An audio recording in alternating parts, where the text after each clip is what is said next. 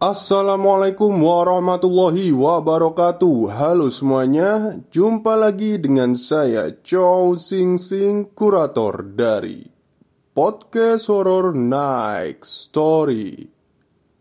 Halo apa kabar semuanya? Semoga kalian pada sehat semua ya. Dan seperti biasanya pada malam hari ini Saya kembali dan akan membawakan sebuah kisah mistis untuk kalian semua Kisah mistis kali ini datang dari seorang pemuda asal kota Surabaya bernama Mas Adi. Jadi, Mas Adi ini akan menceritakan sebuah pengalaman yang tidak mungkin dia lupakan tentang sepeda motor. Seperti apa kisahnya? Mari kita simak. Assalamualaikum warahmatullahi wabarakatuh. Halo, Selamat malam teman-teman podcast Horror Next Story. Dan selamat malam juga kepada Mas Chow selaku host dari channel podcast Horror Next Story. Perkenalkan, nama saya Adi. Biasanya teman-teman saya manggil saya Mawar. Saya asli Surabaya. Mungkin nama aslinya Mawardi ya. Tapi dibuat ejekan sama teman-temannya jadi mawar gitu. Jadi malam ini saya ingin menceritakan sebuah pengalaman mistis yang saya alami sekitar setahun yang lalu. Saat ini saya bekerja di daerah Rungkut Industri sebagai SPV di sebuah perusahaan makanan ringan. Singkat cerita, saat itu pukul satu siang saya dan teman-teman keluar untuk mencari makan dan ngopi di daerah Rungkut. Saat kami sedang ngopi, teman saya Hendrik tiba-tiba nyeletuk. "War, kamu masih butuh sepeda motor nggak?" katanya. Maklum, sepeda saya itu sering mogok, jadi ingin saya ganti. "Ya butuhlah." "Emang kenapa?" Jawabku. Ini tadi aku iseng browsing-browsing di Facebook. Eh, tiba-tiba nemu ini. Balas Hendrik sambil menunjukkan layar HP-nya ke saya. Ah, yang bener. Masa NMAX bekas harganya cuma 4 juta? Penipuan kali Kataku mengejek. Ya, coba aja kita datangi dulu. Ini loh ada alamatnya Ujar Hendrik Singkat cerita, sepulang kerja, aku menitipkan sepeda motorku di kantor. Dan kami langsung menuju lokasi penjual tersebut. Mohon maaf, saya nggak bisa kasih tahu alamat penjual di cerita ini. Saat tiba di rumah penjual, kami melihat sepeda NMAX terpampang di terasnya. Ah, mungkin itu sepeda yang akan dijual Soalnya mirip dengan yang di Facebook, batinku. Setelah Hendrik mengucapkan salam dan mengetuk pintu beberapa kali, akhirnya pintu terbuka. Nampaklah seorang bapak-bapak berusia sekitar 50 tahunan dengan menggunakan kaos oblong dan sarung motif batik. "Iya, Mas, cari siapa ya?" Tanya bapak tersebut sambil garuk-garuk perutnya. Oh, selamat malam pak. Saya Hendrik dan ini teman saya Adi. Kami orang yang tadi siang inbox di Facebook bapak Mengenai pembelian sepeda motor yang bapak posting. Kata Hendrik lancar. Maklum, karena Hendrik ini termasuk senior marketing di kantor. Oh alah mas. Iya iya iya. Maaf ya Seharian tadi saya nggak buka HP Jadi ya Gak tahu kalau ada info seperti ini. Jawab si bapak sambil tertawa kecil. Akhirnya kami bertiga pun duduk dan ngobrol-ngobrol di teras sambil melihat-lihat sepeda yang akan kami beli. Mau minta berapa pak untuk sepedanya? Tanya saya. 4 juta aja mas. Surat-suratnya lengkap Dan pajaknya juga masih hidup Jawab si bapak Hmm, mohon maaf nih pak. Apa nggak terlalu murah untuk sekelas NMAX Dan kelihatannya Sepedanya jarang dipakai ya pak. Tanyaku kembali. Bapak itu tersenyum dan menjawab Gak apa-apa mas. Emang saya dan istri itu sudah niat untuk jual cepat sepeda motor ini. Gak apa-apa murah yang penting laku. Jawab bapak tersebut Karena aku masih ragu Aku meminta izin kepada si bapak Untuk mencoba sepeda motornya keliling kompleks kampungnya Si bapak mengizinkan dan si Hendrik temanku Tetap tinggal tidak ikut mencoba motornya Takutnya kalau ikut nyoba dikira maling. Sepanjang perjalanan, aku tidak merasa ada yang aneh pada sepeda ini. Nyaman sekali untuk dikendarai. Tidak ada bagian yang menurutku kurang. Akhirnya, aku pun kembali ke rumah bapak tersebut dan langsung deal membeli sepeda motornya. Saat saya mengeluarkan uang dan menyelesaikan transaksi pembelian, Tiba-tiba dari dalam rumah keluar seorang ibu-ibu membawa tiga gelas teh hangat.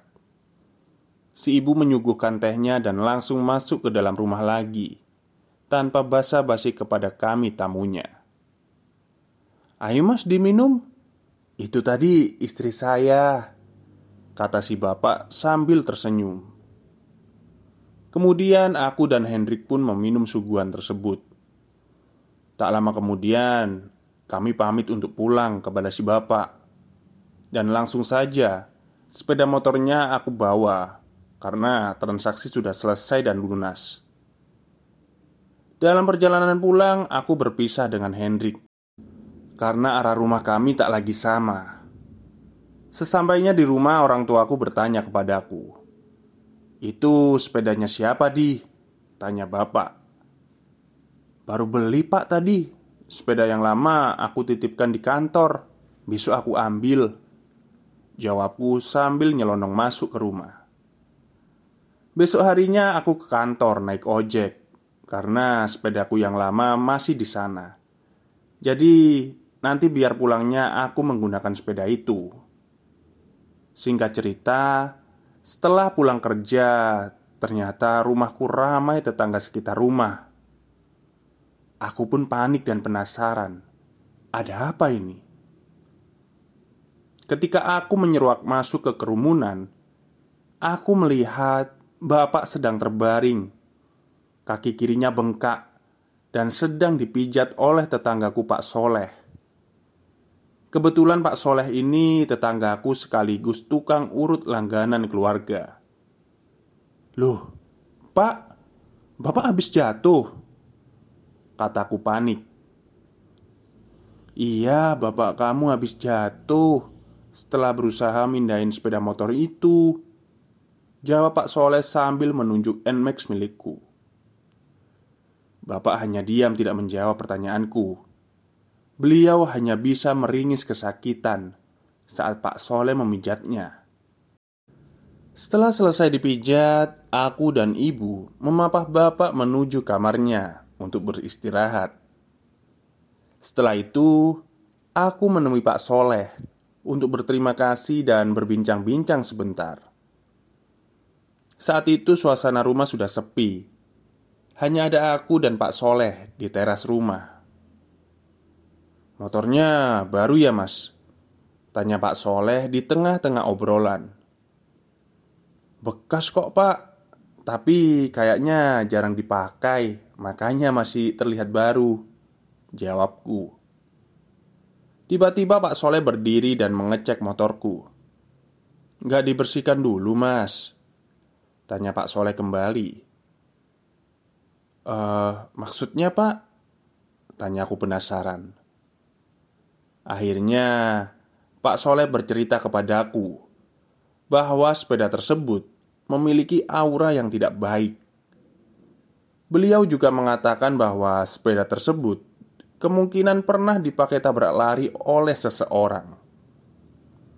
Kalau Mas Adi mau, saya bisa bantu untuk membersihkan sepedanya biar nggak menimbulkan masalah di kemudian hari. Kata Pak Soleh sambil nyeruput kopinya Kalau aku sih ya percaya-percaya aja dengan omongan Pak Soleh Karena aku memang tahu kalau beliau itu bisa melihat hal-hal yang berhubungan dengan goib Eh, kalau gitu kapan Pak bisa dilaksanakan? Kataku setuju Malam Selasa aja ya. Jawab Pak Soleh. Tapi sebelum malam itu tiba Jangan pernah memakai sepeda motor ini ke mana pun.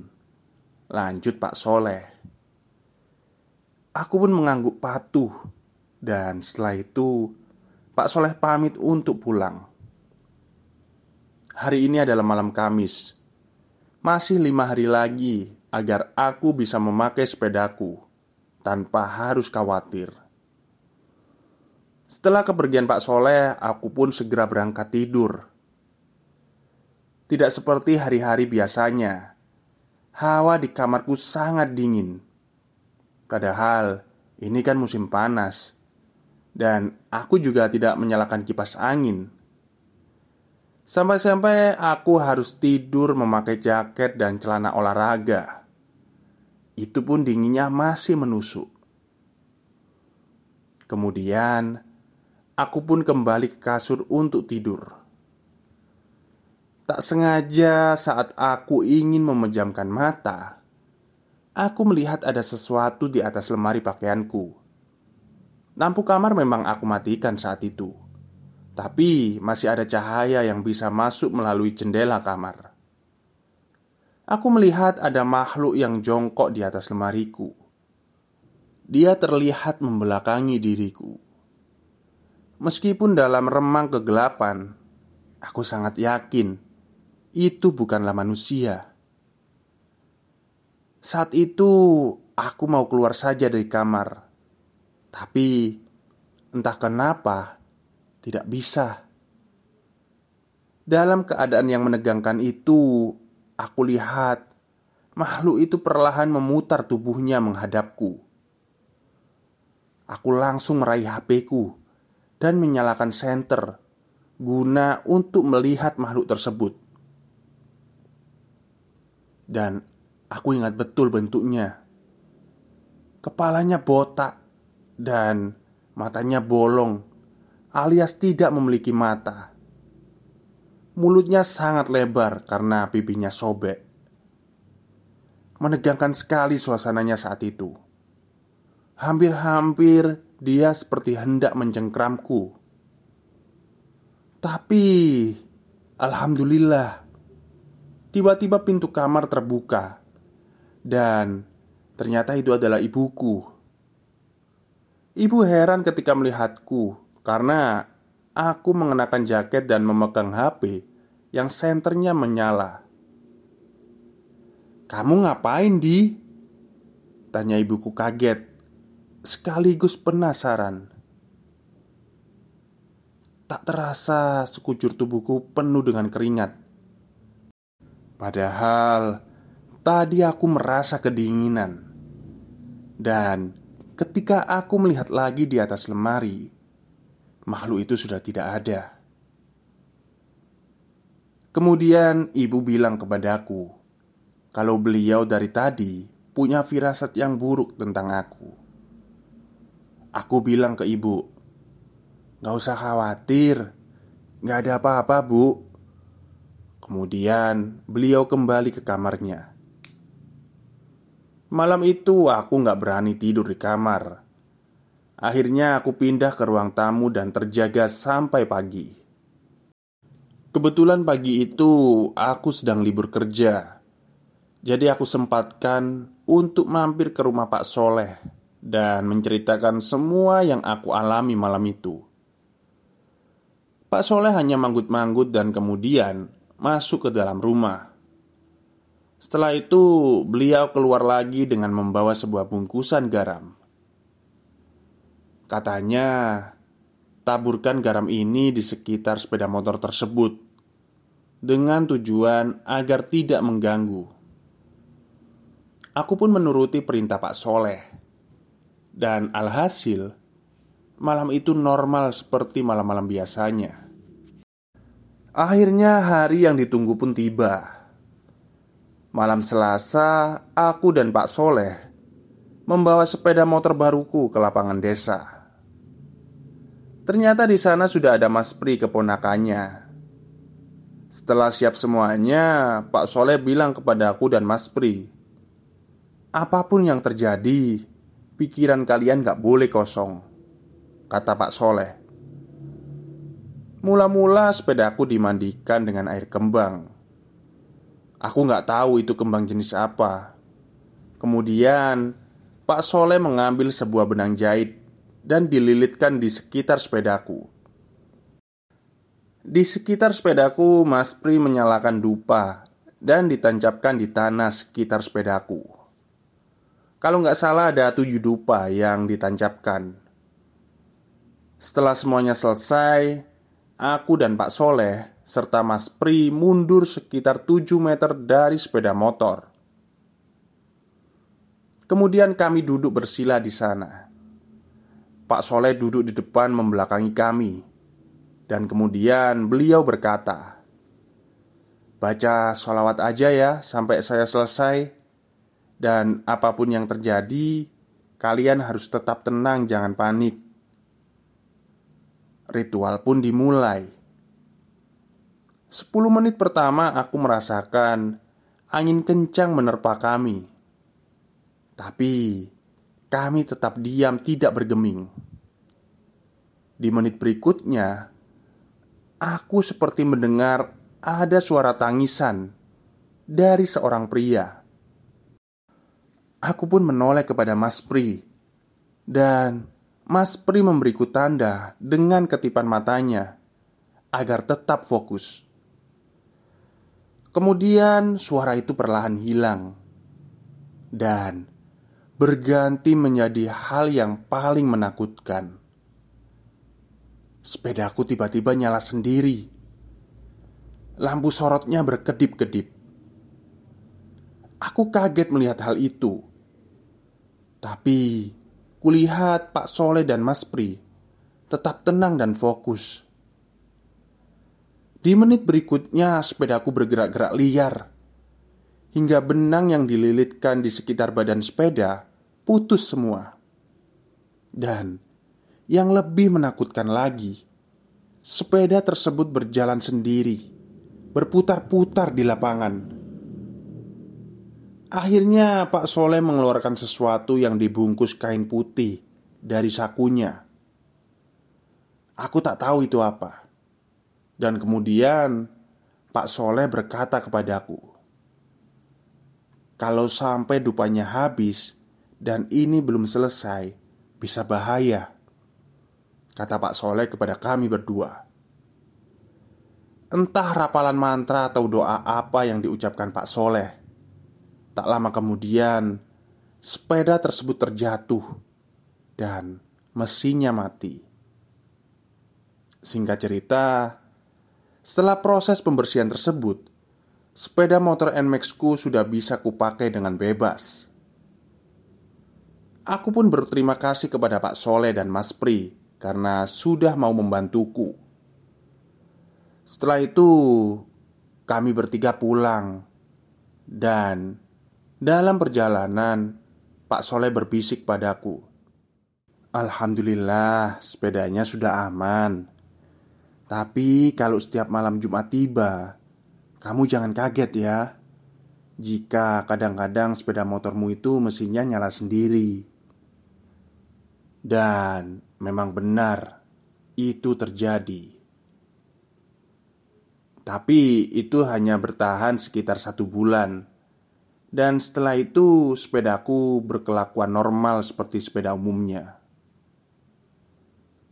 Sekian dan terima kasih sebelumnya kepada Mas Jo yang sudah menceritakan kisahku.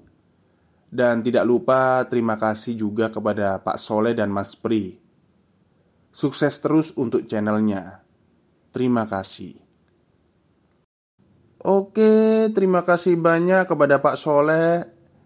Eh, Mas Mawardi yang sudah mengirimkan pengalaman mistisnya pada podcast Horror Next Story Dan ini adalah salah satu bentuk pengusiran setan yang unik menurut saya. Kegiatan eksorsis yang biasanya dilakukan pada makhluk hidup ini ternyata bisa dilakukan di benda mati, seperti sepeda motor. Ya, bisa jadi juga sih, kemungkinan ada roh penasaran yang merasuki ke jiwa Nmax tersebut. Jadi, dia itu terlihat angker gitu mungkin ya, bisa mencelakai orang lain sepeda itu. Baru tahu saya kalau ada makhluk halus yang bisa memasuki uh, benda mati seperti itu. Oke, mungkin itu saja yang bisa saya ceritakan pada malam hari ini. Dan terima kasih kepada Mas Adi atau Mawardi. Menurut saya ya Mawardi ya. Yang sudah memberikan pengalaman yang baru bagi saya. Pengusiran setan lewat sepeda motor. Baik, itu saja yang bisa saya sampaikan. Kurang lebihnya mohon maaf. Selamat malam dan selamat beristirahat.